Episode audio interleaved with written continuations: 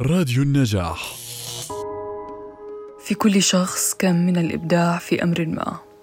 إن عمل على ذلك الأمر بشغف وبمفهومه الخاص قد يصل إلى الابتكار.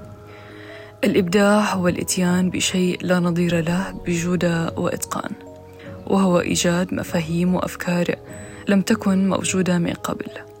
بينما الابتكار فهو قدرة الفرد على استخدام أفكار أو أدوات هي موجودة بالفعل لكن بطريقة مستحدثة وجديدة.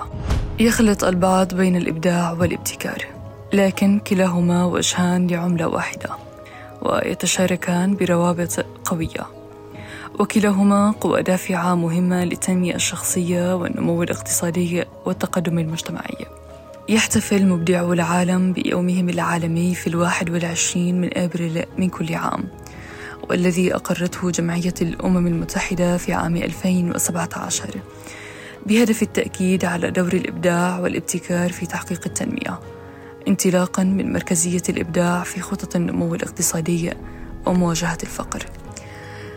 يؤكد الاحتفال بهذا اليوم على رعاية المواهب الإبداعية والابتكارية في مختلف الجوانب وتحفيزها وصولا إلى التميز والتطور.